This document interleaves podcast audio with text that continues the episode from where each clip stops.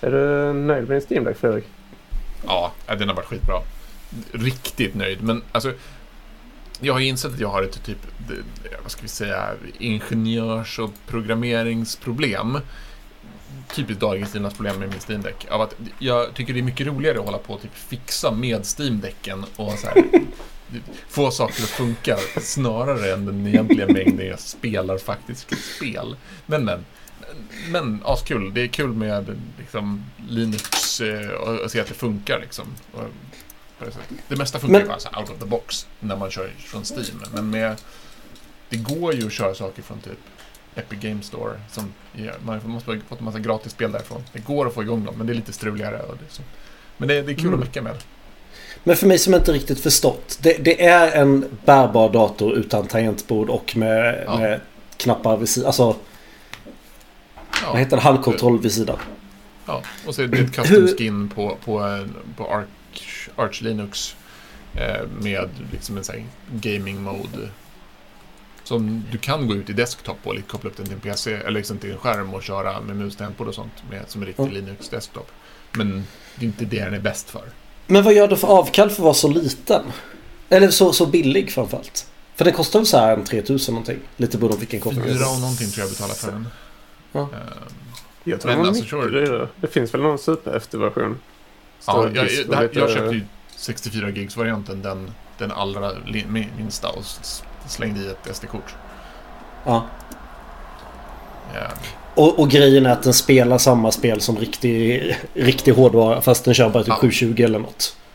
Ja, precis. Det, det, är lite, det finns lite snabbare lagring. Sen var det någonting med att jag tror det var någon så här blank, skärmen var lite, det var någon sorts anti-reflexbehandling eller något sånt på de lite dyrare här för mig. Men mm. annars var det inte stor skillnad. Så det, det finns ju en som kostar 679 euro. Då får man fastest storage. Men det går, ju alltså, det går ju alltså att byta SSDn själv om man vill. Det är bara en NVMe SSD.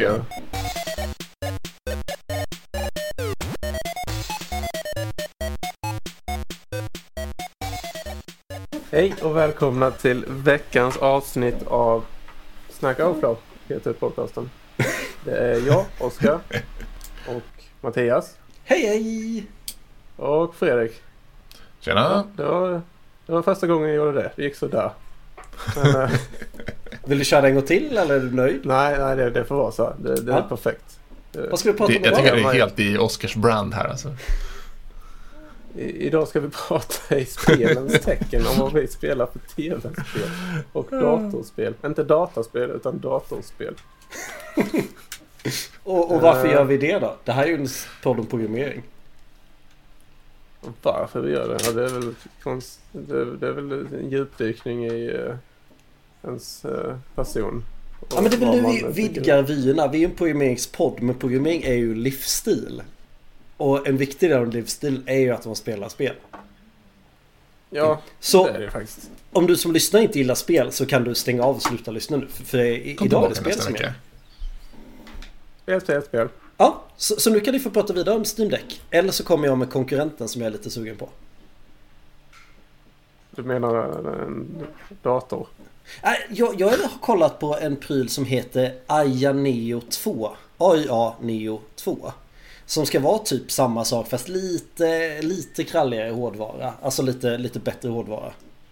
Eh, jag vet inte varför, det känns som att, eh, att köpa ett Steam Deck. Det, det är så här, den här inlåsningseffekten. Man ska köra Terraform för att inte vara vendor-låst till ett moln. Jag vill inte köpa ett Steam Deck för jag vill inte vara vendor-låst till Steam. Och då köper man en kinesisk produkt istället. Fast men det känns som väldigt att... många så... olika spel så kanske man ska vara rädd för inlåsningseffekten. Men jag tror inte jag spelar tillräckligt många olika spel från tillräckligt många olika utgivare för att det skulle ha någon effekt på mig i praktiken. Men jag tänker exakt likadant som Ja, vi är roliga. Men man, man, kan ju också tänka så här att man har ju redan ett Steam-bibliotek och insatskostnaden för att köpa en Steam Deck är inte så här vansinnigt stor. Och det är inte som att jag sitter så här, åh, men jag skulle vilja handla mina spel från en annan plattform. Alltså det, det är lite som att, att, jag tror inte man ska se det som att man, man köper inte in sig som att jag säger åh jag väljer team Playstation eller team Xbox och köper alla mina spel på en sida utan Nej. Man, pågår, man liksom kör ju sin gamingkarriär precis som vanligt på en PC. Liksom. Och att, att man råkar ha den här lilla prylen att hålla i just nu är, är mindre, liksom, mindre inlåst än annat. För, för det är ganska mycket, de där INIO kostar ganska mycket, eller hur? Har inte gått på typ 10, 12, 15, ja, 14 tusen eller någonting? Man, man, hinner liksom inse att man hinner köpa två nya generationer av Steam Decks under tiden innan det... Men Steam Deck har sagt skulle ta en tag innan de släpper nya versionen. Ah, ja, absolut. Men sen, sen, skulle, sen skulle jag ju chansa på att community-stödet är mycket bättre på, på Steam Deck. För att det är så, ja, det är så många som är intresserade. Liksom. Men, men vad fan. Ja, de billigaste... Du har rätt runt 10 000. Alltså jag har nog fått köpa en Steam Deck i smyg. Jag har redan en Nintendo Switch som jag använder alldeles för sällan. Men som är envisad så att den ska vara inkopplad i tvn för man vet aldrig. Min sambo tycker den är jätteful för den står framme på tv-bänken. Oh, ja. ja, jag, jag, jag, vet inte. Jag tycker inte Den syns inte så mycket. Den står, jag tycker men, nej, så jag vet, Steam kan jag nog ha varit tvungen att köpa i, i smyg. Men då kommer vi till alltså, viktiga det... frågan. Hade Emily märkt om det hade, liksom, om det hade stått där? Eller så här, att, att du hade bytt ut switchet med den? Har du sett Nej, hon är inte tillräckligt observant. Hon har absolut inte märkt någon skillnad. Och hon lyssnar inte på podden väl? Eh, nej, verkligen Nej, nej. Köp den då bara. Jag hoppas att ingen skvallrar. Jag kan säga vad som helst. Han kommer aldrig få reda på det.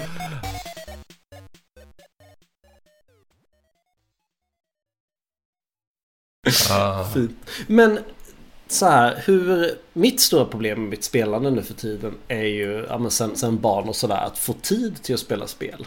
Hur löser ni det? Mm. Nu vet jag att du inte är fast i det träsket än Oskar. Barnträsket. Nej, inte vad jag känner till. Men jag eh, tror jag prioriterar ändå lite liknande.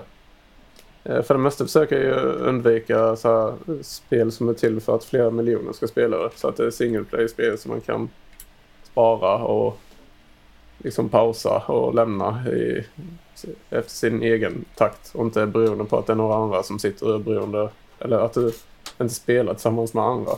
Jag har ju fortfarande hund och han har ju varit valp så jag har haft där var det exakt samma problem så jag kunde inte spela mm. vad som helst under den tiden heller. Så jag menar, det är väl en aspekt kanske. Man, man slutar spela multimiljon online-spel Ja, jag har ju, mitt, min gamla spel, mitt gamla spel var att spela Dota 2. Och då var vi låst en timma. Så det är ju nästan helt ute ur bilden. Ja, det blir svårt. Men det, Dota var ju, var ju problemet, det räckte ju inte bara med att man hade en timme över. Utan man skulle ju ha en timme över när ens polare också hade en timme över samtidigt. Om man ville spela med sina roligt. idioter till polare. Men det vill man ju. Ja, kanske. Jag, jag fick en sån piffen en gång för jag har spelat World of Warcraft ganska aktivt. Speciellt när jag var mycket yngre. Och när man kom på sig själv liksom att man hade ett schema där man träffas tillsammans med 10 eller 25 andra töntar, eller 29 eller 24 andra töntar med fasta intervall och fasta tider.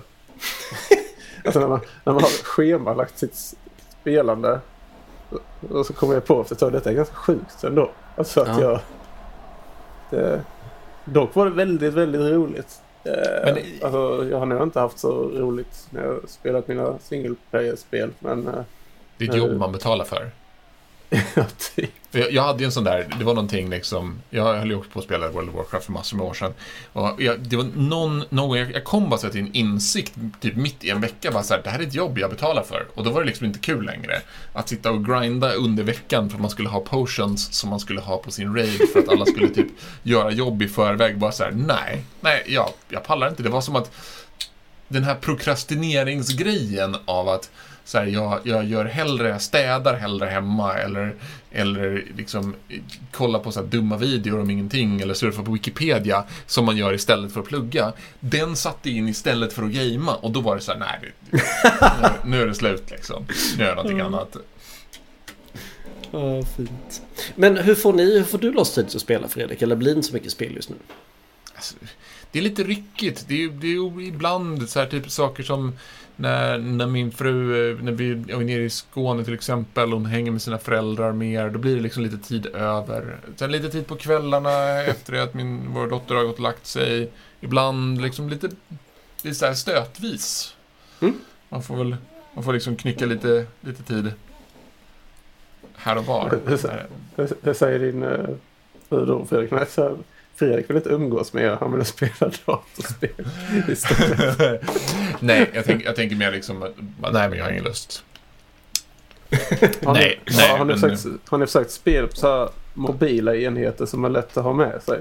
Det, det, det är ju ännu svårare om man är bunden till en, liksom en stor skärm och en dator, vilket jag föredrar, eller en konsol. För jag har försökt hitta roliga spel på mobiltelefoner. Och det, det har kommit några. Jag gillar Tower Defense-spel. Oh. Det, det, finns ju några som är okej okay att spela på, på telefonen. Uh, men man tröttnar så snabbt på dem. Men jag, jag, jag har börjat alltså, jag har spelat spela. jättemycket mobilspel. Men jag har nästan helt slutat med. För det är liksom inte värt, alltså det kan vara bra för att öds... Det går inte på samma budget för mig på något sätt. För det är ett sätt att ödsla tid ungefär. Få tiden att gå lite snabbare om man väntar på något. Jag spelar mobilspel när jag tar på bussen fortfarande. Men om jag, om jag har tid att spela skulle jag aldrig spela ett mobilspel. Utan då skulle jag försöka ta en handhållen enhet istället. Det är därför jag är sugen på ett Steam Deck. Men jag är också fast det där. Jag har ett Switch kan jag också köpa ett Steam Deck. Men de är ju lite olika. De, det är inte riktigt samma grej. Du köper Nej, en, såklart. en Switch primärt för att du är ute efter Nintendos First Party-spel. Och sen så såklart. är det nice att det finns lite, lite indie-spel och andra grejer som du kan köpa också. Eh, och Steam-däcken är ju liksom mer primärt en, en det, det, är två helt olika kollektioner av spel generellt sett. Men... Men den eh, stora skillnaden att uh, Switch, alla spel till Switch är snordyra. Ja. Alltså alltid. Aldrig rea väl, typ. Förutom alltså på main titlar. Alltså jag har plockat Nej. ganska mycket. Jag, fast det är liksom mer kanske gamla spel. Och jag körde igenom Assassin's Creed 4. Eller vilken är det när man är i USA? Är det trean? Trean, va? Den tror jag plockade upp för så här 30 spänn eller något sånt där. Wow. För två, tre år sedan. Så jag, jag, jag, jag är faktiskt supernöjd och förvånad hur länge mitt Switch har hållit. Jag var så här, jag köper Switch för att spela Breath of the Wild. Eh, och sen har det blivit 200-300 timmar Mario Kart med, med familjekompisar. Eh, men jag, så här, stor del när jag spelar Switch själv då är det ju liksom lite äldre spel eller, ja, eller indiespel. Jag har tryckt lite Hollow Knight, jag har tryckt lite Ori. Den typen av spel. Så jag är ju supernöjd med switchet. Ja, den var bra. Hollow Knight Ni har ju retat mig för jag spelar Hogwarts. Så att det är Hogwarts Legacy. Och det, så kom vi fram till att det är ett barnspel. Eh, jag, jag har bara köpt Switch för att jag ska kunna spela alla Pokémon-spel. jag fortsätter i barnspelens tecken. Men ja men eh, då har Oskar svarat på den frågan. Vad spelar du för spel Fredrik? Oskar spelar bara barnspel, punkt. Och lite Tower Defense. vilka, vilka spel spelar du när du får tid Fredrik? Oh, har du något du vill um, rekommendera liksom? Alltså nu på senare tid har jag suttit och levt lite så här gamla mm, retrokonsolspel. Um, lite så här plattformsspel, spel genom Jack and Daxter härom veckor, veckorna. Det första av de spelen. På låt oss kalla det ett eh, lagligt sätt eller? Ja, men låt, låt oss kalla det lagligt sätt. Ja. Jag, jag, äger mer än en kopia av spelet så jag, jag tycker ah, mig okay. ha, ha rätt att, att, få det att funka. Eh, eh, jag har, jag har en, en, kopia till Playstation 2 och en, kopi, en ko kollektion av alla tre spelen till Playstation 3. Jag, jag tycker mig att, att kunna vara okej okay att få det att, att funka på något sätt. Ja, Där finns det förresten en ascool grej. Det finns ett, ett projekt som heter Open Goal på opengoal.dev som är några riktiga galna utvecklare som håller på och dekompilerar eh, Jack and Daxter-serien för att göra, du, kan, du, du får ta en ISO som man får typ köra in med ett dekompileringsverktyg, deras liksom, program och sen så kompilerar den en native PC-port eh, av Jack and Daxter. De håller på med Jack 2 just nu. Så den som vill ha sin nostalgi-itch nostalgi för just de spelen så, så finns det ett, ett projekt som håller på med det. Folk som har för mycket tid över alltså? Alldeles för mycket tid över. Jag, jag funderar på om man skulle eh, dra ner källkoden och se om man kunde bidra. Men det, men det är lite, det är lite, jag tror att det är lite, mm, jag har inte tid. Så här, då vill jag dra vidare till det som jag tycker är svårast. För det spelet jag spelar absolut mest just nu, sen ett par år tillbaka, är spelet Factorio. Eh, om du inte vet vad det är, du, ska, du, du har kraschlandat på en planet. Du börjar i början med att gå runt med en liten hacka och hacka mineraler. Det finns lite koppar och kol och, och järn och sådär. Och sen så ska du smälta det till järnplattor och med järnplattorna kan du börja bygga lite Steam Engines och börja bygga lite research. Första riktiga metasteget är när du för mycket handlar om att liksom ha eh, conveyor belts. Vad heter det? Skitsamma det är conveyor belts. Och sen har du armar som kastar in saker från en conveyor belt in i en automatiseringsfabrik. Första metasteget är när du bygger automatisera, automatiseringsfabriken som automatiserar att bygga automatiseringsfabriker. Andra metasteget kommer när du låser upp bottarna. Så mm. du liksom börjar copy-pasta. Du, du slutar bygga, du slutar dra bälten och sådana insättningsarmar själv. Utan du börjar konvertera till bara copy-pasta med bottar. Och räk, det är mycket så här räkna ratio. Eh, jag, ska göra grö, jag ska göra elektriska chip. Då behöver du mata in järn. Men du behöver också kopparkabel. Och kopparkabel gör du av koppar. Och du behöver tre stycken kopparkabelfabriker för att föda två stycken eh, chipfabriker. Och, och så fortsätter det. Men då till mitt problem, eller så här, mitt dilemma. När jag spelar där så känns det titt som tätt som att så här, det här börjar påminna lite om att jobba. Och ni var lite inne på det med World of Warcraft. Och du är lite inne på det med, med Dex. Uh, när slutade vara spel och underhållning och började närma sig, ja men vi som ändå jobbar med, med datorer och programmering? Men när, när det slutar vara tillfredsställande, alltså jag, jag kan ju känna att, att den här tillfredsställelsen av att gamea, att fokusera på någonting, kan ju också krypa in i jobbet. Så att bara för att jag sitter och jobbar betyder ju inte det att jag inte är underhållen för det. Utan det handlar ju om att man, för mig handlar det väldigt mycket om så här, när jag spelar Factorio eller när man spelar Valheim eller man spelar, jag pratar om Timberborn eller andra grejer. Att man, så här, man sånt där man får vara lite, det finns lite utrymme för att vara kreativ och hitta på lösningar och sånt. Så det är bara så här, men jag har en vision i mitt huvud och så vill jag realisera den i, i spelet eller i kod eller vad det nu man håller på med. Och så länge man kan liksom ha det där, ja men jag kan fokusera in på någonting och så bara sitta och liksom skapa, då är det ju roligt liksom. Det är ju när, när man känner så här, oh, målet och mitt skapande ligger långt bort och jag måste typ återupprepa allting. Jag bara, oh, jag måste bygga fyra stycken hela jävla smälterverk och så måste jag dra tåg och det går inte att göra snyggt för att det är typ saker i vägen. Och, uh, nej, jag tar det imorgon. Då är det ett jobb. Mm. Ja men Factorio har flera gånger balanserat på gränsen där. För, för jag gillar att prata om min mentala programmeringsmodell. Att liksom React är ju komponenter i komponenter. Så man kan rita upp ett träd över komponenterna strukturerade. Factorio är ju lite samma sak. Framförallt om man ska ta nästa nivå forskning. Då är det så här, men jag behöver tre fabriker som matar in i den här fabriken. Då, då, då påminner det om React-utveckling ganska hårt. Konceptuellt. Ni kommer förstöra spel för mig nu. Försöker, sitter jag samtidigt som ni pratar och hittar massa liknelser i alla dumma spel jag spelat och bara insett att jag jobbar på fritiden också. Alltså att jag stimulerar exakt samma grejer. Ja men Tower Defense kliar ju lite samma nerv. Mm. Mm. Ja, du har lite storypoint som kommer in och sen har du inte person utan du har resurser du sätter ut längs vägen. World of Warcraft har alla professions liksom. Du kan mina, du kan samla in du kan fiska, du kan liksom, och det gör du för att du ska kunna göra någonting bättre i spelet eller få någonting i spelet. Det är liksom, mm. det är samma sak som man uh, refinar en story i Gira. Du gör det för att du ska kunna Alltså det är sysslor som du måste stå ut med. Det är inte kul att springa runt. i... lika tråkigt som det hade varit att springa runt i verkligheten med en eh, yxa och hugga ner träd. Så det, så det tar det, även om det bara tar en eh, hundradel av tiden att hugga ner träd i eh, Valheim så det är fortfarande en syssla. Det är inte det som gör en... Tala för dig själv. När, när, oh, det här var många år sedan. Men det var kanske drygt tio år sedan någonting. Så spenderade jag och vi var nog fyra, tre eller fyra polare spenderade när vi var på en fest ute på en så här typ scoutstuga spenderade vi flera timmar med att dricka bärs och hugga ner ett träd. För att ni ville, kunde? För, för att vi kunde. Det var i vägen för utsikten på det här stället, så vi ville fälla det trädet. Jag, jag kommer från landet, jag har fällt mycket träd. Jag kan känna igen mig.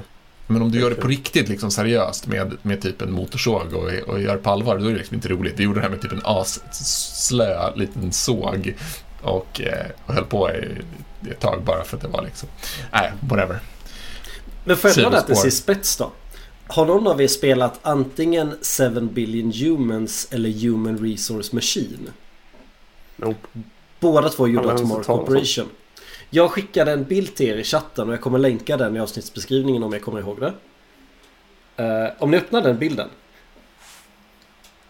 Spelet handlar då helt enkelt om att du får en spelplan med gubbar och lite siffror och block. Och sen får du en uppgift.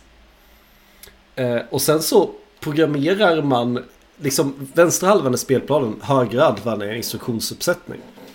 Och de instruktioner du drag and droppar in nu ser man inte instruktionerna på den bilden så det kanske en bättre bild är det jag lägger in. Men det, du, det påminner ju liksom på instruktioner. Eh, men det, det på, påminner ju extremt mycket om eh, eh, vad heter programmeringsspråket? Det finns ett sånt där träningsprogrammeringsspråk där man drag and typ droppar in... sketch eller något. Ja, skitsamma. D där börjar man ju så här, Det där är för mig ett perfekt spel att spela när jag... Jag kan inte spela det samtidigt som jag jobbar. Men det är fantastiskt under semestrar. Ja, ja. Eh, det finns någon uppgift eh, där man... Eh, spelplanen är liksom en 10 gånger 10 boll av siffror. Och du har 10 gubbar som står längst ner.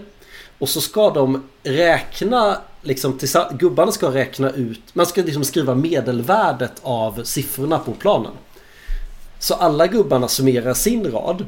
Sen, och det skriver de till raden längst uppe. Och sen går gubben längst upp till höger och räknar upp medelvärdet av de raderna längst upp. Och sen berättar den siffran för alla andra gubbar. Och sen så skriver man den siffran tillbaka. Så är det typ tänkt att man ska göra. Och för varje sån här bana finns det en sak som är att man ska klara det på så få instruktioner som möjligt. Alltså så få programmeringsrader som möjligt. Och den andra är att det ska gå på så kort, så kort tid som möjligt. Eh, problemet är bara att spelet har ingen mekanism för att avgöra liksom nu, nu ska jag vara klar. Så det funkar att alla skriver 0 och sen går alla ner och skriver 1. Sen går alla och skriver 2. Sen går alla och skriver 3. Så man kan brute den uppgiften. Då sitter man bara så här, det här är ett härligt metaspel, här programmerar jag som man programmerar. det här var en riktig Stack Overflow-lösning. Vi, vi är olika människor Mattias. Jag skulle aldrig spela detta. ja, det är så. Men, men som sagt, jag kan inte spela det medan jag jobbar. Men, men alltså, nästan varje sommar kommer 7 billion humans upp på switchet. Så, så det är liksom lite, lite för att, att um, ta hand om abstinensen från att koda? Ja, ja men typ så. Ja. De roliga aspekterna. Jag har, jag har mitt, jag bara, bara ta upp mitt senaste spel som jag ska spela igenom lite nu. var ett spel som heter Tunic. Som passar jättebra på, på um, Steam Deck. Eh, lite så här mm, isometrisk 3D-vy uppifrån, lite Zelda-style-spel. Eh, Gubben ser verkligen ut som Zelda som, som räv. Riktigt härligt. Men, och det har en jätterolig mekanik av att det, det är liksom eh, spelet, alltså under spelets gång så, så låser man upp så här, hemligheter genom att, att man får eh, sidor i en manual och mm. den liksom, där, där, får man lite insikter om så här, både om hemliga saker man kan göra och så typ så här, om hur världen fungerar och kartor och lite allt möjligt. Men det gör att, att när, för jag har spelat igenom det tidigare, och sen när man spelar igenom det igen, då vet man en massa saker. Då kan man spela spelet typ så här baklänges och lite hacka saker och, och göra... Äh, skitbra. Och, men Shit, det bästa tipset på så här knowledge-based spel som egentligen inte har någon riktig så här att du ingen progression själv, utan du bara spelar själv i ett spel som heter The Outer Wilds. Som jag nog hävdar är ett av de bästa spelen jag har kört. Period. Outer Worlds? Där. Nej, The Outer Wilds. Inte... Vild. Wilds. Outer Worlds är den här Borderlands-liknande äh, shooter-spelet. Outer Wilds är ett rymd-exploration-spel med twists. helt fantastiskt. Men det, man, det bygger på att man lär sig själv, så man kan egentligen bara uppskatta det på riktigt en gång. Eh, men okay. riktigt, riktigt, riktigt fantastiskt spel. När ni spelar, ja, kanske ni inte, men kanske inte lika relevant längre. Ni, ni har barn och inte har lika mycket tid, har jag kommit fram till. Men annars, är ni så här completionists när ni spelar? Nej. Att ni vill... Nej. Lite. Ja, jag försöker vara completionist tills jag inte orkar längre. Jag är lite för lat för att ta de där sista galna grejerna, men, men lite så ja. Jag prickar gärna av, om det finns prickar på kartan så prickar jag gärna av alla prickar innan jag går vidare till ett nytt område.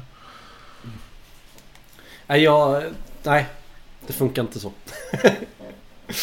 det var så uppenbart. Eh, jag och Fredrik har en gemensam vän, eh, Båtis. Eh, han och jag spelade, det finns en spelserie som heter The Dark Picture Analogy. Tänk dig att du är en film. Och sen så får man när man börjar så får man tilldela de fem karaktärerna eller vad det är. Till spelare 1, 2 eller 3. Och så turas man om att spela. Så man sitter i liksom couch co-op. Eller man kan spela det single player online också. Men vi spelade det som couch co-op. Eh, och så fick vi varsin karaktär och när det är den karaktärens tur att vara point of view så är det den som kör. Så det är mycket story-driven, mycket quicktime event. Och där var det verkligen så här att Båti skulle gå in i varenda jävla hörn och läsa varenda jävla papper. Och jag bara, men det, vi har typ läst det där, då går vi vidare. Så, så båda rekommendation för The Dark Picture Analogy. Att spela med kompisar, man ska inte spela det själv. De är lite, lite lätt läskiga också, men inte farligt. Jag gillar inte stark, stark. Ja men du, du kommer nog gilla de här. Det är någon enstaka jump scare. Men det är inte, och det, men det är kusligt mer läskigt. Och det är inte hack and slash, förutom quicktime eventsen. Men... Mm. Sist jag spelade ett skräckspel var när jag pluggade. Då satt vi, jag vet inte om det hette Insomnia eller vad det hette. Det var något av de här första riktigt stora skräckspelen som det var typ fem utvecklare tillsammans som hade utvecklat på distans. Som blev en sån jättehit. Jag kommer inte ihåg vad det hette. Man sprang liksom runt och blev jagad av grejer. Och det var Menar du Amnesia? Amnesia hette det. Mm. Det var det sista skräckspelet vi spelade och då hade vi... Vi kopplade...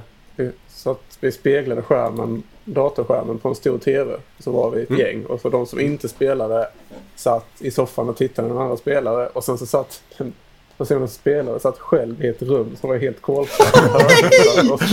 Nej! Det var, jag, jag skrek som ett litet barn. Alltså jag, jag, jag får så tunnel. Det är två saker som kan få mig att få tunnelseende. Jag tittar på tv och spelar datorspel. Jag är helt okontaktbar. Så jag går liksom in. Jag är 200 procent inuti skärmen. Så jag lever mig, liksom, jag lever mig in så mycket. Så det, det var psykiskt påfrestande för mig. Jag, jag, jag, jag hatar er. Jag kommer aldrig att göra det. Det var alltså, fruktansvärt. Men Fredrik, Fredrik var du med när vi gjorde samma sak hemma hos mig? Ah, ja, det var jag. Jag har varit med någon gång när vi Fast då var den som spelade satt liksom framför de andra. Den lutade ryggen mot soffbordet och de andra satt i soffan. Alltså jag, jag har ju ett, om man ska pr prata mm. skräckspel som inte riktigt är ett skräckspel, så är ju min, min favorit, det var någon, någon som skrev memen, eh, vad var det det stod? Are you afraid of the open ocean? Would you like to be?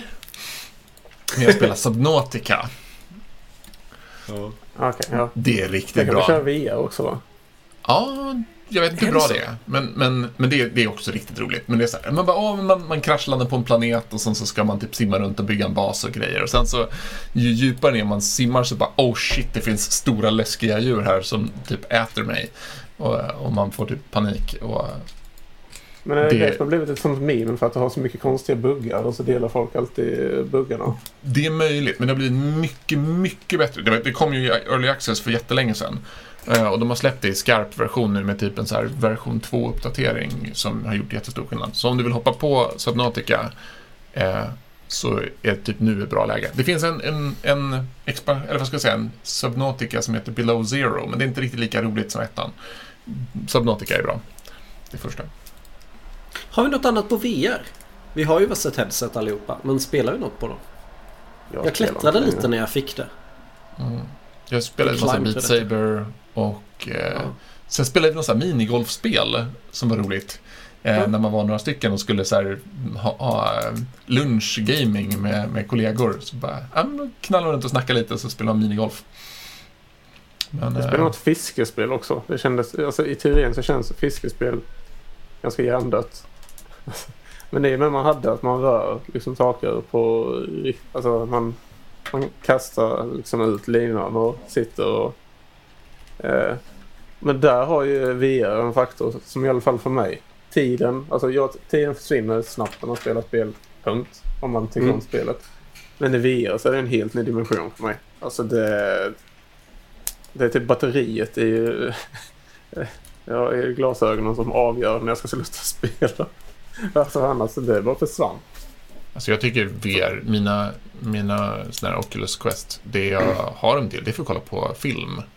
Jaha. Nå, nå, någon gång när jag får för det är så, det är så fantastisk upplevelse. Alltså, man orkar inte sitta och kolla på tv-serier om det inte är något som är så här episkt. Men att, mm. men att så här, sätta sig ner, på med headsetet, på med hörlurar och sjunka ner i soffan och så ha en så här, jättestor bild är jätte, jättebra upplevelse för att kolla på, kolla på film. Då kan man ju om man så här, om man har en sambo som tycker det är tråkigt eh, och att man eh, inte liksom, måste du sitta där och spela Måste du sitta där inne och spela? Nej, jag kan sitta här i soffan bredvid dig och titta på serier. det är viktigt att man deklarerar att man ska kolla på samma serie. För då kan man ju sitta med headset bredvid. Men då är, du, då är ju du typ en möbel som någon har lagt i soffan. Ja. ja. Helt okontaktbar också. Personen med hörlurar. Kanske nackbesvär också. Jag skulle vilja ha någon sån. För den, de, vi har ju såna Oculus Quest 2 allihopa. Ni har ja. inga andra VR-set va? Det kanske Nej. ni har. Nej. Eh, jag skulle vilja ha en sån grannen i bäckkrage som liksom på något sätt kopplar upp headsetet som tar lite av famtyngden. För att man blir ganska famtung men jag fick ont i nacken. Men om, du, om du kollar på film så kan du, kan du ju luta dig bakåt så att du har liksom nackstöd. Ja, fast den rör man ju på sig. Jag vet inte. Jag, jag skulle vilja ha någon... Liksom, Men man får, man får ett schysst pressmärke i pannan av den där när man har haft på ett tag. Måste man fortfarande vara inloggad på eh, Meta, Facebook, uh, whatever det kallas nu? Jag tror inte man tror måste det längre.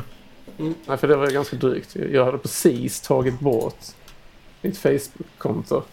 Alltså, för vi fick ju allihop sådana i början på pandemin för att vi skulle umgås trots att man var eh, en potentiell risk för varandra. Så då, då, och då kom jag ihåg att jag precis tagit bort mitt Facebook-konto och då hade man som regel att det tar två veckor för att ta bort. Ja, men det tar två veckor för dig att ta bort kontot om du skulle ångra dig. Och sen så gick det en vecka. Så bara, ah, här, du får ett Oculus Quest. Vad kul. Men du måste ha ett Facebook-konto för damn! Det var som den eh, Al Pacino i uh, Gudfadern. Det pull me back in again. mm. uh, ja, en riktigt bra VR-upplevelse. Uh, men det är för att jag gillar mycket party, eller inte partyspel, men spela med kompisar. Uh, har ni spelat Keep Talking and Nobody Explodes? Det har ju funnits länge. Uh, man, man ska liksom... Du som, som huvudperson, eller vad man ska säga, har en bomb framför dig som du kan vrida och vända på. Och det finns liksom lite olika riddles på det. Tänk dig lite, uppgiften är inte jättemycket svårare än tänk dig hur Among us-uppgifter är om du har spelat Among us då. Mm. Problemet är att manualen för att dechiffrera bomb, för att lösa uppgifterna, finns i pdf som dina kompisar läser. Så det, okay. den som sitter där så bara, eh, ja men jag har, jag har wires, det är stjärnor, det är lila, vit, röd wire. Då frågar någon på sidan, eh, vad är serienumret på ett, ett P? Eh, ja, ja, ja men då ska du klippa lila. Och så antingen smälts bomben eller så lyckas man. Och det fick en extra dimension i VR. Att den som sitter med bomben faktiskt sitter liksom i ett, i ett annat rum. Genom att sitta i VR. Tycker det blir så snabbt sådana sysselaktiga spel. Alltså det var ju några som distributörer och custom-datorer eller så. Eller var det att eh, de största hårdvarutillverkarna gick tillsammans och byggde något VR-spel. Han sättet för att bygga sin custom-dator. Så sitter mm. folk på fritiden och bygger sin custom jätte gamingdator med jättefet kravspecifikation. Kravspecifikation, med alla de häftigaste grafikkorten. Och det, det, alltså det är allt. Man bygger datorn. Alltså det är supergammalt. Det är att sätta i alla små kablar, dra eh, kyl, eh, alltså om du kör vätskekylt, att du ska dra de rören rätt och skruva åt. Alltså det är allt. Alltså skruva in alla skruvar. Allt, allt, allt, allt i minsta detalj och bygga en egen dator. Och så köpte folk in på det här och sitter och gör det på fritiden. Det för mig är Men då jobbar man ju. Jag har jobbat med det där. ja, men det finns ju många olika simulatorer. Men just att bygga en dator är liksom väldigt långt ifrån att köra en traktorsimulator. Det, ja. Jag vet inte. Det, det blir för nära verkligheten med vissa sådana simulatorer när man kör VR. Så jag förstår inte vad, eh, riktigt varför det är kul. Halva grejen är ett spel att man liksom får sätta sig in i någon alltså, sätta sig in i någon annan form av verklighet och försvinner lite en stund. Men mm. i VR, om det blir verkligare, om det till slut blir för likt, då tror inte jag att jag hade tyckt det varit kul. Alltså att vara i VR om jag inte liksom får några ut, utomjordiska egenskaper och kan hoppa och flyga liksom. Man typ såhär, ah, men du, du, du ska vara webbutvecklare då. Det har ju varit... Det är, nej, Fast det vill jag Ja, fint. Mm. Nej, det har inte blivit mycket VR-spel för mig. Det verkar vara Men... ambivalent rent allmänt med VR. Alltså om man kollar på Twitch-streamers och sånt. När, de, när man frågar dem om VR. Så de får ju ganska mycket de... bra betalt just nu för att säga att PS eh, VR 2 är bra. Så det är lite svårt ja, att säga. De körde, en sån, de, ja, de körde en sån jättefet release-grej på Playstation. Med, där ja. allt, all, all, det var ju väldigt mycket VR i och med att de vill plocka på folk sina VR-glasögon. Men det var ganska, de som inte var sponsrade, det var ju... De såg liksom, nej det är inte kul med VR, det är lite jobbigt, lite omständigt. Mm. Mm. Ja. Jag har inte heller du, riktigt sålt den. Jag vet inte. Man fortfarande inte riktigt lyckats bryta igenom den här, vad ska man säga, någon sorts glastak eller det är kanske inte är ett dåligt uttryck. Men, men liksom nå över den där tröskeleffekten med, med, eh, med VR. Sen, jag, tycker, jag tycker samtidigt med att för det kommer några så stora titlar, typ, det var något så Horizon Zero Dawn, Horizon vad det nu hette. Fast det fick, spel. det fick skit av recensionerna, för det var det enda jag haft skit av. Ja, det, men men, de men jag, jag, tycker att det som jag har märkt är att det känns som att VR-spelen har lite samma, det finns en liknande till gamla PS Vita eller PSP att du får liksom mainline-spelen till konsolen och sen så får du liksom ett sidospel som inte känns som liksom det riktiga. Utan som en är liksom en spin-off. Ja, men precis. Det är lite, du, du får lite spin-offs till. Mm. Jag, jag, jag, har inte spelat Half-Life Alex, men det kanske ska vara bra. Det har ju fått väldigt bra ja. kritik. Eller Half-Life fast för VR? Ja, ja, det är ju ett, ett, ett, spel i VR som Steam gjorde. Eh, okay. men, eh, men, men det känns som att det är liksom den... Sen är väl där är väl, ett, där är väl också ett problem av att om inte alla köper VR-konsolerna så finns det inte tillräckligt mycket pengar på att tjäna på dem. De måste ju nå en tröskelnivå för att det ska börja kunna börja producera spel till det för att de ska tjäna pengar. Annars så blir det ju bara... Ja, precis. Grejer i sjön liksom. Oculusen är väl inte omänskligt dyra? Alltså... Nej. Då kostar de 2-10 tusen. Så vi får ta väldigt mycket pengar men Alltså, Då gäller det till om man gör den investeringen att eh, det finns tillräckligt mycket tilltalande titlar också som faktiskt är bra. Kanske de, de kanske inte har nått den. Alltså faktum är att Quest 2 verkar kosta så 5-6 tusen nu. Oj. Ja, då har de ju ökat i pris. Fredrik, du måste hjälpa mig beskriva ett spel. Som alla måste spela. The Stanley Parable. Oh! Ja. Um, ja. Hur förklarar man det här? Äh, men det är ju, en, det är ju en, vad ska man säga, det är ju ett första Man ska ju inte spoila för mycket. Det är ett första personsspel. Du, du mm. går runt i en kontorsmiljö i First Person View. Det är liksom den ytliga premissen. Mm. Men, men sen är det liksom en...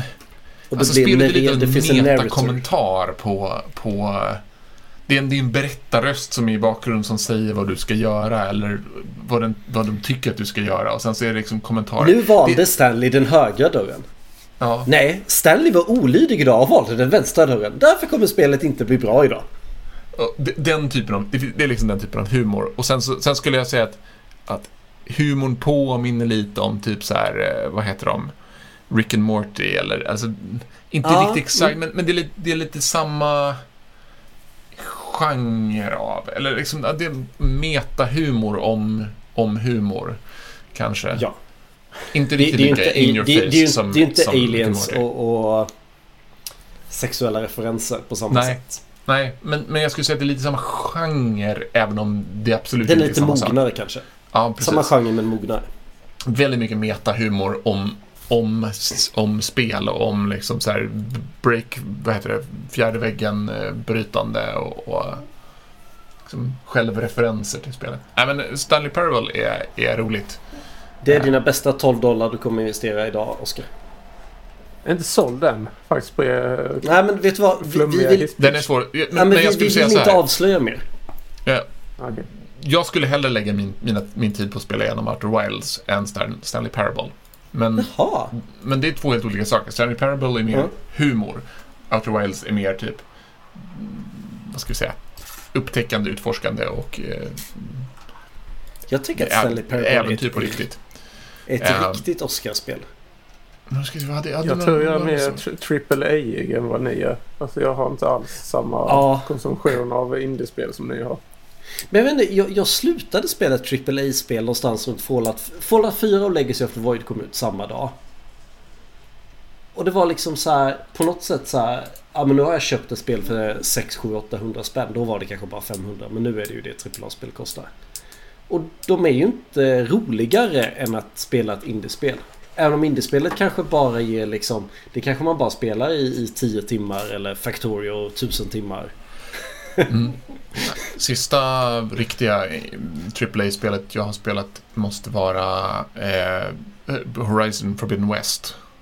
Mm. Horizon, är det FPS MMO? Nej. Är det en bilspel? Ah, nej, Nej, Horizon. Horizon, Horizon For- Forbidden West, det är ju de här eh, robotdinosaurier, Man skjuter pilbågar på robotdinosaurier. Jaha. Playstation, deras, eh, vad heter de, Guerrilla Games, deras superhit Horizon Zero Dawn. Och så upp, eh, Mm. kom det ju en uppföljare för, vad, Men Oscar, är inte du en Playstation-människa? Jag var innan, men sen så när det kom nya konsoler och så är jag en sån person. För jag har ju någonting som ni inte har. Att jag är intresserad av fotboll. ah. Jag känner mig som Ah. the, the odd one out i den här gruppen. Men, eh, jag, jag, Men vänta, vänta, vänta, vänta, innan, innan vi går vidare, vi måste spesa upp där. Eh, för det är inte säkert våra lyssnare har koll på vad det är för någonting. Det är den där med gräs, är det den med gräsplan och, och ganska stora vita bågar? De, det är ganska många folk på planen, eller hur? Det- är den Ja, sporten. och så är det massa människor som tjänar massa pengar på det och så, trots att de begår massa brott så får de ändå fortsätta tjäna pengar och utöva den sporten. Men en det, det, fråga det, då. tycker jag, det smalnar Eh, inte ner någonting. Det, här skulle, det skulle ju lika gärna kunna vara politik du pratar om. Eh, En fråga då. Fotbollen, är den fotbollen som man håller i handen och kastar? Och det är därför man heter fotboll, för man kastar en boll med händerna. Ja, just Det. Makes sense. Nej, det var över Atlanten-fotbollen. Ja, så var det. Ja, Nej, det det bra där också. Ja, du spelar Fifa-spel. Ja, och när det kom så hade jag inte Eh, någon av de nya konsolerna. Och Playstation var ju svårt att få tag på. Och jag har alltid haft, jag har haft alla Playstation. Och men sen så jag kollade liksom, ah, okej, jag kommer inte kunna spela de gamla titlarna. Men jag bara, fuck it, jag köper ett Xbox. Eh, och jag är faktiskt ganska nöjd. Eh, så, eh, nu, har, jag- nu har jag ett Xbox. Alltså, jag har ju aldrig haft något annat än... eh, Och jag har haft något... Jag, jag har bara kört Nintendo PC, framförallt PC. Men det känns ju som att skillnaden mellan de där två är ju... De har lite egna IPn. Men annars är det ju typ samma sak nu för tiden. Egentligen alla tre. Alltså PC, Xbox och Playstation. Har lite unika spel men annars är det samma sak. Man skulle Jag nästan kunna byta ut... till, eh, det fanns ju andra faktorer faktiskt, nu ljuger jag lite. Fanns ju andra faktorer att jag köpte ett Xbox också. Alltså så här, man tänker på vilka titlar som jag kanske kommer vilja spela. För precis några månader innan jag köpte mitt Xbox så hade ju Microsoft så gjort en vana av att börja köpa spelstudios. Och de har ju köpt upp eh, Bethesda till exempel som gör eh, alla Elder Scrolls-spelen. Och Mm. de har ju jag, Och Fallout. alltså in- inte MMO men i alla fall de, de rollspelen har ju jag lagt kanske för stora delar av mitt liv på. Eh, inte timmar utan jag tror man får ta liv som en eh, tids, tidsenhet här. Eh, och så, så, nej, ja, de skulle ju kunna ha för sig att inte släppa den titeln till Sony Playstation så nej, då kanske jag köper Xbox istället. Eh, Du kan köpa båda. Ja, men, eh, de har faktiskt en grej som Playstation, jag vet inte vad Playstation har, men de var i alla fall tidigare med det. De portar sina gamla spel och gör, alltså, alltså så här, från Xbox 360-tiden. Och jag hade ett Xbox 360 också. Samtidigt som jag hade ett Playstation 3. Som jag så här, hade alla spel på. Så jag har ju spelat eh, väldigt mycket Xbox 360-titlar. Och det, jag har mer och mer blivit en nostalgi-gamer. Alltså, om jag inte spelar en remake på ett spel så är spelet, även om det är nytt, liksom en devis på någonting som jag har spelat när jag var yngre. Alltså att, de inte kommer, alltså att det inte är något nytt spel. Jag är nästan helt fast i nostalgitröskeln skulle jag kunna säga. Och där har ju Microsoft, de är ju bara kompatibla med sjukt mycket titlar bakåt i väldigt billig peng också.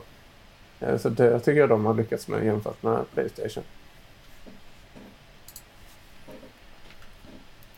Ni, ni känner inte igen er alls i det här? Jo då, absolut. Mitt Steam-bibliotek är många generationer gammalt.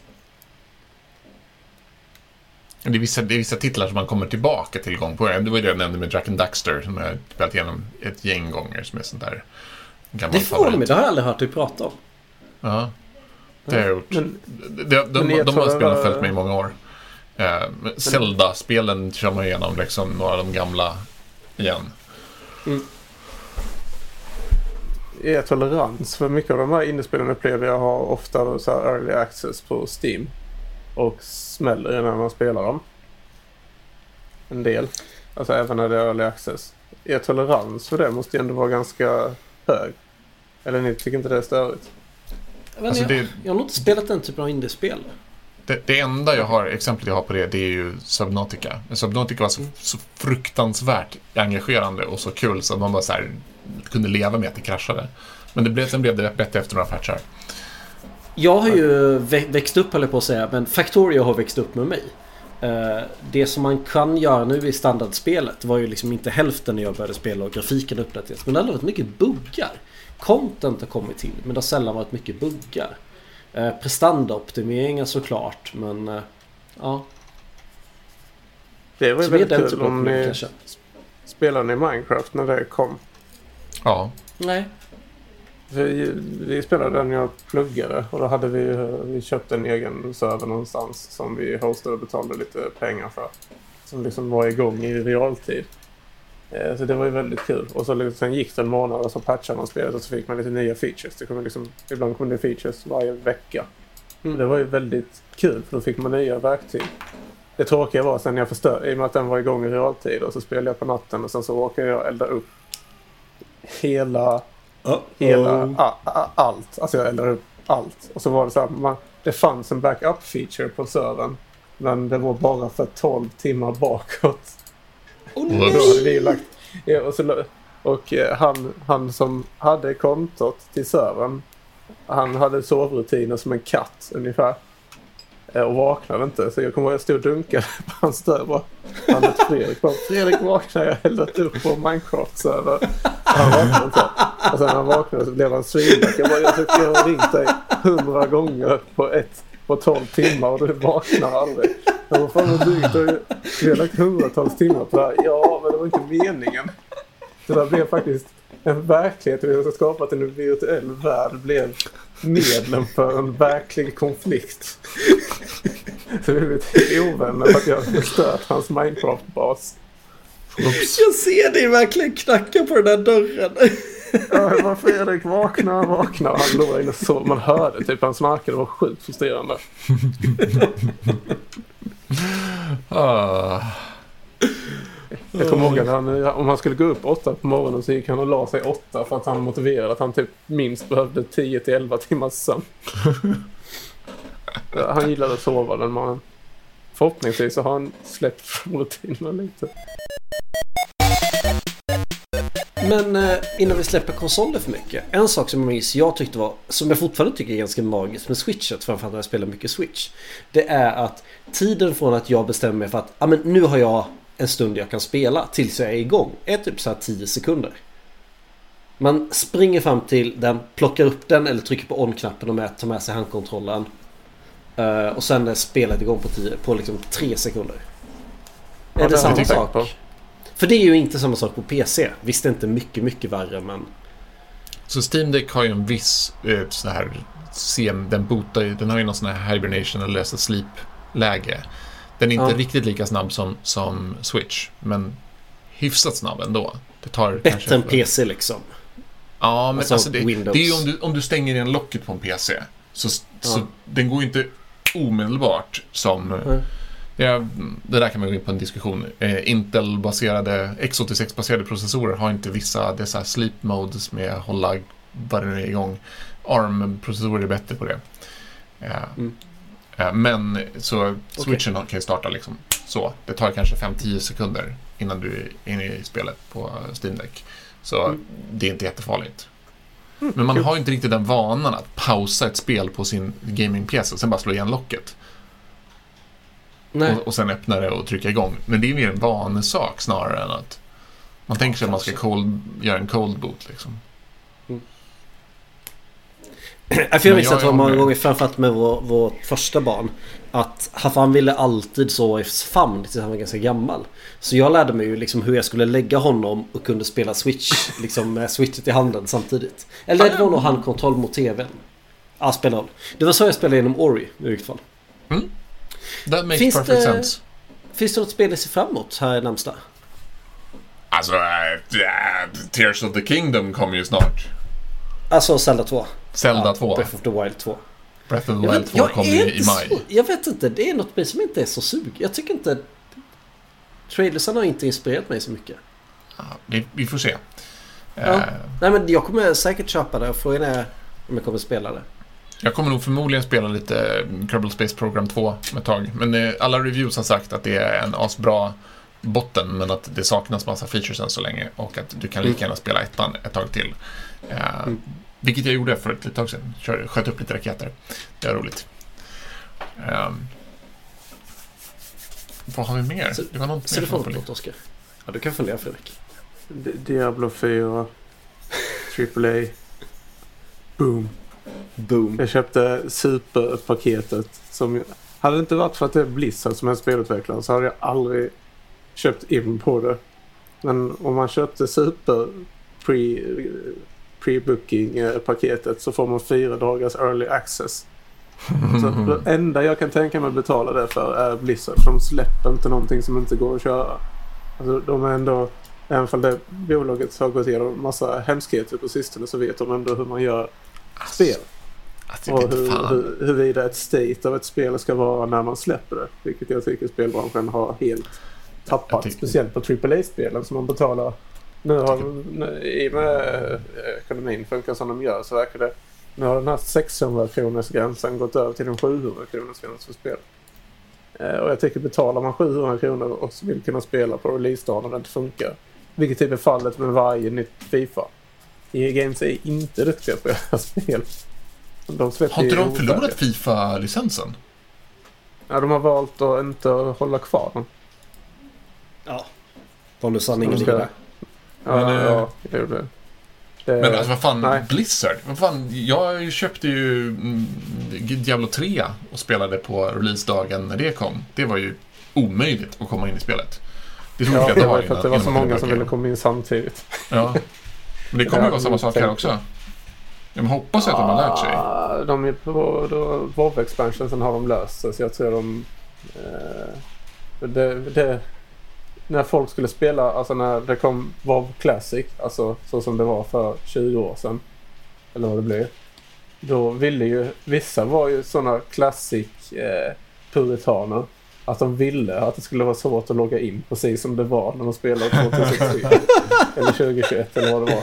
Nej men det är liksom, jag ska behöva vänta fyra timmar. Det ska vara exakt. No changes var en sån hashtag som de körde. Eh, men sen i slutändan så fick de ändra tok mycket saker. För att liksom, så, så som världen såg för 20 år sedan vill inte ni spela ett spel på idag. Uh, Men det är så lätt nej. att tänka sig att, att alltså man kan spela, man, man, kan hålla en viss glädje av själva nostalgin, men, men det är liksom, du är inte tonåring längre.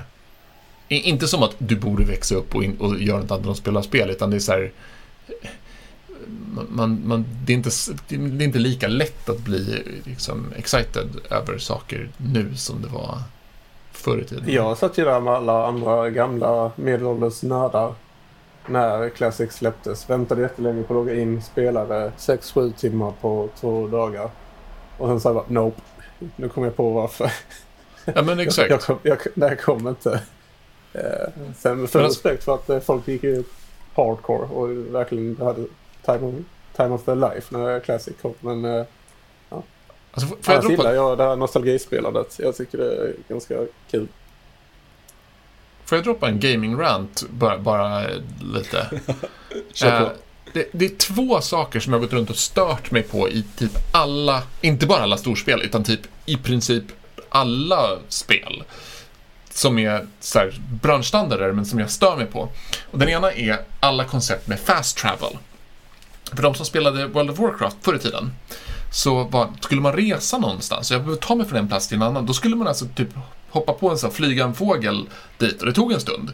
Så, så, man flög faktiskt genom världen, eller så skulle man gå dit och sen så skulle man kanske hoppa på någon båt och åka över. Det var, det, det var involverat en viss Alltså en, resan skedde i ett inom citationstecken fysiskt rum som skapade en känsla av att världen faktiskt fanns där. Det var inte bara att ta upp en meny och plopp så var jag på andra sidan världen. Det är den ena. Och, och fast travel tycker jag förstör många spel. Av att bara för att, bara grejen att det finns gör att du du får stora döda områden som du bara klickar dig förbi. Och den andra är konceptet av kartor.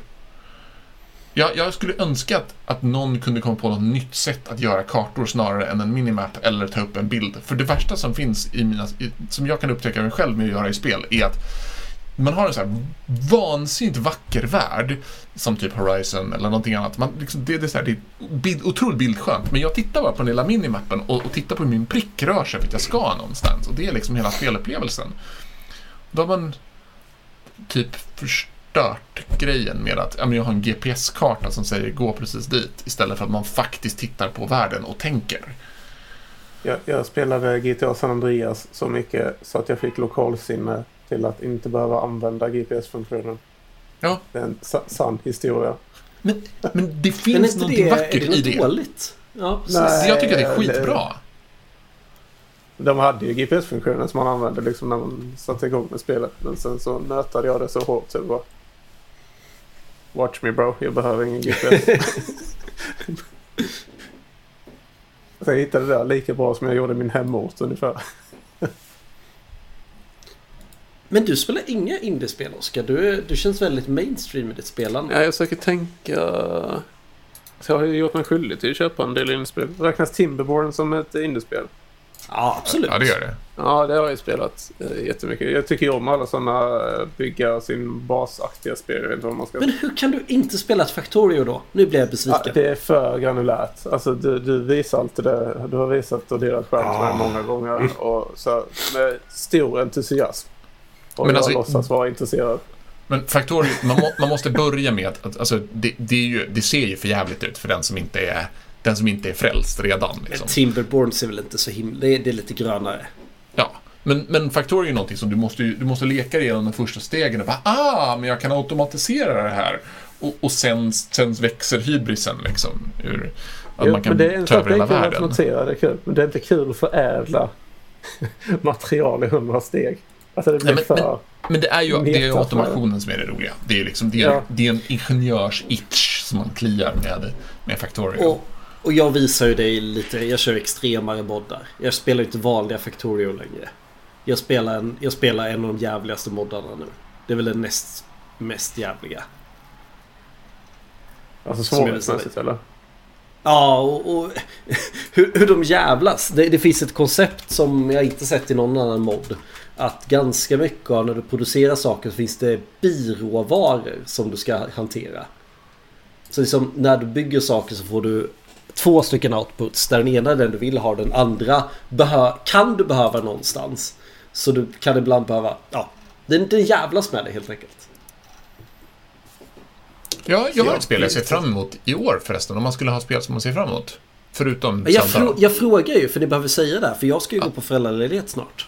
Ja, men det, det kommer ett spel som heter Shadow Gambit, The Cursed Crew. Um, det, det är tredje spelet i en, i en serie av något som heter Mimimi Games.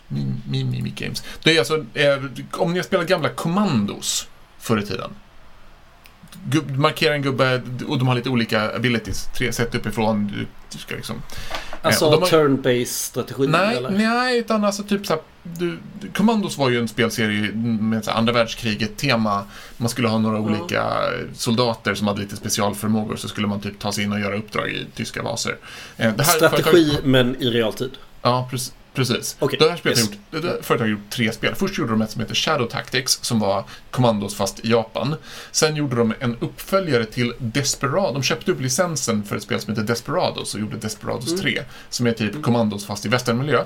Och nu är det ett här, typ pirattema, samma spel fast pirattema. Och de har, de har varit jätteroliga. Välgjorda liksom. Så, så det kanske blir några timmar. Jag, jag öppnade Steam för att se. För jag, jag kände mig kränkt att jag inte spelade indiespel. så jag var tvungen till att kolla, för jag kommer inte ihåg vad någonting heter. Och när jag kollar på Steam så ser jag att jag har ett väldigt tydligt, tydligt spår i vilka spel jag spelar. De indiespel jag kan hitta de heter Settlement Survival, Kingdom and Castles, Castle Story, sen har jag Cities Skylines. alltså allting är typ så.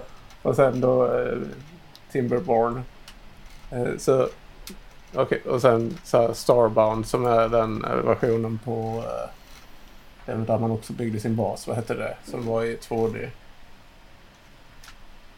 Harvest Moon? Ja, nej, det som blev så himla stort. Som Starbound är en liksom... Ja, Starbound, inte Stardew Valley, förlåt. Starbound? Tänker du Terraria eller? Ja, Terraria. Det är en uh, efterträdare till Terraria. Mm, mm. Det, det, Sen har jag bränt många hundra timmar i också. Ja, det, det spelar jag också ihop. Göra.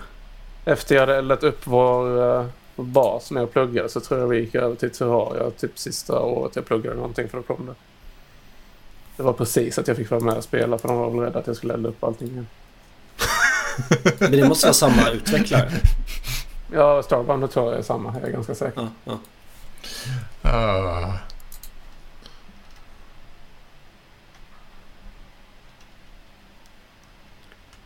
Men eh, vad ser du framåt Mattias? Ja, men jag vet inte. Eh, jag tycker det är svårt. Det är lite därför jag faller tillbaka till Factorio. För det kliar en, en bra nerv. Att tänka eh, samtidigt som man kan pausa när som helst. Jag har försökt köra lite... Eh, ja men det finns ju mycket roguelike spel just nu. Jag har försökt tycka om dem. Jag klarade... Och vad heter den? Alltså roguelike som i typ... Uh... Ja men du, du dör och börjar om igen. Okej. Okay. Då är ju... Du återställs. Rogue, bästa roguelike-spelet måste ju vara Hades. Ja, det kan jag Supergiant Games, de som gjorde Bastion och, och lite fler ja. grejer. Uh, det känner till och med jag till. Mm. Hades var fantastiskt kul. Um, när, när det kom. Eh, men om du vill ha liknande som Factorio, fast li, alltså lite annorlunda. Rimworld är ju roligt. Mm, Rimworld står på listan och Beavertown står på listan.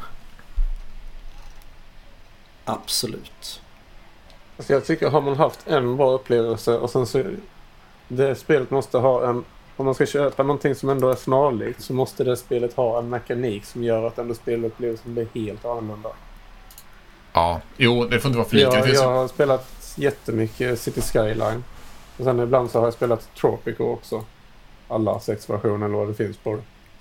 Eh, och det Tropico är ju så liksom smått och mysigt och helt annorlunda från eh, City Skyline. Och det är tillräckligt mycket. Det ska liksom antingen blir du en militärstat eller en kommuniststat eller så säljer du in dig på västvärlden. Det är liksom mer politik inblandat och i väldigt liten skala. Medan City Skyline alltid mynnar ut i att det bara managerar trafik. ja, det, det, det Bygger rondeller. Men, men ja, det, och där, det har du ju med sig med Factorio. För i Vanilla Factorio är det du gör att du sätter ut eh, trafikljus till tåg. Det finns okay. två typer av trafikljus och man lär sig aldrig riktigt vilka som är vilka och det blir alltid ett deadlock någonstans. Eh, innan, det var ju Dead Cells jag tänkte på innan såklart. Ja, Dead Cells var roligt. Mm. Och eh, alltså Hollow Knight har vi inte sagt men Goes Without Saying. Jag ser fram emot uppföljet. Jag hoppas, alltså det var ju så härligt om Silksong, Hollow Knights uppföljare, kommer mm. till sommaren. Det kommer när det, när det blir klart. Ja, jag, jag ehm. respekterar dem för det så därför är jag inte bitter att det drar ut på tiden. Jag kom på ett spel jag har missat på listan. Från, från när man sätter och scrollar sin Steam-lista. Eh, Anno 1800. Eh, det oh. gick inte att köpa på Steam när jag köpte det. Man var tvungen att köpa det på Origin Store. Jag tror det var Origin. Mm. Eller vänta, Ubisoft Store. Origin är i, vad är jag? Eller, ja, I alla fall, man var tvungen att köpa från Ubisoft. Eh, men det har jag också lagt massor med timmar på. Riktigt mm. sådär liksom relaxing spel. Kittlar lite samma på som Factoria fast på ett lite annorlunda sätt. Ja, det är, det är lite samma Vet du vad, vad det är som, som så här, tillbaka till Factorio igen Jag låter som en trasig skiva. Det är en sak jag uppskattar med Factorio är att man håller alltid på att fixa någonting och då upptäcker man ah men då fixar jag lite det där också. Och så ska jag fixa det där lite också. Och så ska jag fixa det där lite också. Tänk er så när man håller på att storefakturera något i mjukvaruutveckling. Den där härliga känslan man får när man till slut kommer in med den där committen minus eller så här, plus 200 minus 800. Ni, ni vet den känslan när man lägger upp den merch requesten? Ja. Den, får man, den känslan får man hela tiden i Factorio. Den cykeln är liksom så här, man går in ner i ett rabbit hole, liksom fem minuter där, fem minuter här. Hela tiden den känslan. Man får sina fixar. Har ni någon gång, det, det, slår mig, ni två spelar nog fler speltitlar än jag gör, men jag köper ändå dyrare spel. Men har ni någon mm. gång räknat på hur mycket pengar ni lägger på ett, ett bra år? Hur mycket lägger ni på att köpa spel och se till att ni ska kunna spela dem? Så mycket längre. Alltså, alltså jag, jag, har inga någon... problem att lägga 700 kronor på att köpa ett spel om det är något jag vill ha nu. Men, men det blir inte så jättemånga gånger. Och så lite indiespel. Vad kan det vara? 2 500, 2000 spänn på ett år kanske. Något. Kanske. Jag tror att jag maxar där uppe. Det fanns någon tjänst där man kunde kolla liksom så här mycket, så här mycket mitt Steam-konto värt. Eller så här mycket har du köpt eller jag minns inte riktigt vad det var. Uh, uh. Då kollar de kanske bara fullpriset och inte vad dina transaktioner har kostat. Ja, du har du säkert köpt 70% av det på rea. Ja men det är därför jag menar, är det vad det är värt eller vad du har stoppat in ah, okay, ja. Man kan ju också fundera på hur stor del av mitt Steam-bibliotek är, är spel som jag aldrig har startat. Hej, jag har Vermintide 2. Det fick jag i någon... Jag köpte någon sån här, eh, vad heter de? Humble Bundle där jag fick massor med spel. Oh, det, det, var typ så här två spel jag ville ha. Eh, mm. som, som, det var fortfarande billigare att köpa hela paketet bara för de två spelen. Men sen så följde det med typ... Det var ju någon sån här Humble Bundle for Ukraine. Eh, ja, det som det var... Det, här var, det var ju typ ett år sedan någonting. Eh, och det var svin mycket spel. Och den absoluta majoriteten av dem har jag aldrig startat. Nej. Humble Bundles har jag köpt någon enstaka gång för något enstaka spel och tänkte att då kan jag ta... Men det är sällan. För det känns som typiskt så att man köper en bundle och så spelar man ett av tio spel. Mm. Men det känns bra när man öppnar sitt Steam-bibliotek. ja, precis. Det blir lite, lite bloated. Men så här då, det är väl... Eh, mätning av det där som killar brukar jämföra. Eh, hur många spel har ni i Steam-biblioteket? Uh, jag kan börja för jag lär ha minst. Jag har 63. Men jag tror inte det här är mitt första Steam-konto. Och då ingår ju inte Nintendo-titlar. Jag skulle tro att jag har en 15-20 eh, titlar där också på mitt Switch. Kan man köpa Nintendo-spel på Steam? Nej, nej, på, nej, nej. på Switchen. På, på Switchen. Ja, på Switchen. Så, så på, för att bara svara på frågan, 63? Jag hade 134 spel på... på... Ja, jag har... Eh, vad har jag? Jag har 53 på Steam. Those are some rookie numbers. You gotta pump, pump those numbers up. Eller hur är memen? Ja. Jag, jag skäms nu. Jag har inte tillräckligt mycket spel. Jag får in och köpa någon sån Humble Bundle. Ja men då vänder jag till en fråga kanske jag vinner på då. Eh, mest antal timmar i Steam på ett enskilt spel? mm. uh, kan man filtrera på det? Nej men man vet ju vilket spel det är. Ja, men det kan, det kan du göra. Du kan gå in och... Det jo, finns hours en... played. Ja. Okej. Okay. City Skyline Men det vet jag att jag har spelat på. För ett tag så funkar inte min dator att spela så bra på. Jag har 109 timmar på City Skyline. Men jag vet att jag har spelat det på någon form av konsol. Typ fyra gånger så mycket tid som det. Så totalt typ 600 timmar? Ja, kanske någonstans där. Skulle ja. jag nog. Var ändå ödmjuk tror jag. Fredrik? Eh, jag har 909 timmar på Dota 2. Sen, men, men sen... Barnsiffror. Men sen, sen saknas båda siffrorna i eh, World of Warcraft och eventuellt ja. Starcraft 2. Mm. Fråga vår kollega Alexander i, från eh, ja, er närmsta kollega i Stockholm. Fråga vad som händer när han skriver slash play i World of Warcraft. Spelet kraschar. ja, nästan. Det hänger ut Alex Det ska du göra. Eh, på Dota har jag spelat på mitt riktiga Steam-konto. Sen har jag två eller tre Smurf-konton också. Fast de har ju, där har jag nog inte mer än ett par hundra timmar. Eh, har jag 2981 timmar. Så jag borde spela 80 timmar Dota till. Nej, 20 timmar Dota till. Bara för att komma upp i 3000. Är det dags för det bästa med hela veckan? Ja, det är Eller har vi pratat tips. om det bästa med hela veckan hela veckan? Ja, kanske. Nej, men vi måste ja, Jag tycker vi inte har gjort något annat än tipset. Mitt tips skulle vara att förhandsboka Diablo 4. För att få massa häftiga kosmetiska grejer och eh, lite försprång. Jag ser overkligt mycket fram emot spelet. Försprång. Ja, man får lite alltså, så här, eh, mm. saker som förenklar spelandet. Det känns som fusk. Men uh, det känns ändå inte moraliskt inkorrekt i och med att man får fuska. Det är liksom inga cheat codes. Mm. Jag ser fruktansvärt mycket fram emot det spelet. Ja, jag har faktiskt en, en, inte programmering, men åtminstone datornära rekommendation som, som jag nästan hade glömt bort. Eh, det finns ett, jag hittade ett, eller jag har ett verktyg som heter Ventoy, V-E-N-T-O-Y, eh, som är en botbar USB-sticka som man kan bota ISO eller IMG-filer som du lägger på USB-stickan. Så du kan ta, om du har typ en Windows ISO, en Linux ISO och lite massa ISO-filer för olika mm, liksom, operativsystemsbotningar, så kan du lägga alla dem på samma USB-sticka och sen bara välja den du ska bota. Mm. Superpraktiskt. När man bara vill ha så här, det här är min sticka som jag mm, fixar datorer med. Är det alltså min tur att inte ha tips? Det brukar vara Andreas som, som får skämmas och så försöker han hitta något krystat uh, så här, svenska klassikern-grej.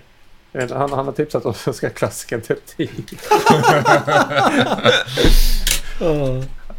Ett kul tillägg är ju att uh, Andreas vill, alltså han understryker att han verkligen, verkligen, verkligen inte vill vara med och spela in det här avsnittet. För han, han är den riktiga odd one out i vår lilla poddgrupp. Han spelar ju inga spel överhuvudtaget. Jag är, det, är det verkligen tillåtet? Så? Nej, jag vet. Jag, alltså, jag, jag, jag har någon teori om att han måste varit han måste vara uppväxt någonstans i någon, under sektliknande förhållanden där det inte funnits ström eller internet. Han är inte född på 90-talet. Det är helt otroligt att han inte spelat någon spel. Jag kan förstå att man inte är så intresserad men det är faktiskt ganska imponerande att han är helt ointresserad av att spela spel. Han läser kanske böcker och sånt istället och är smart, jag vet inte. Ja. Du vet inte om han är smart. Vad säger du?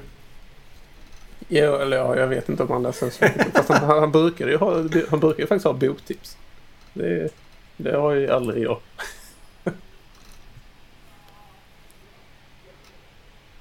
Nu har du gett mig jättemycket tid och står ändå på noll.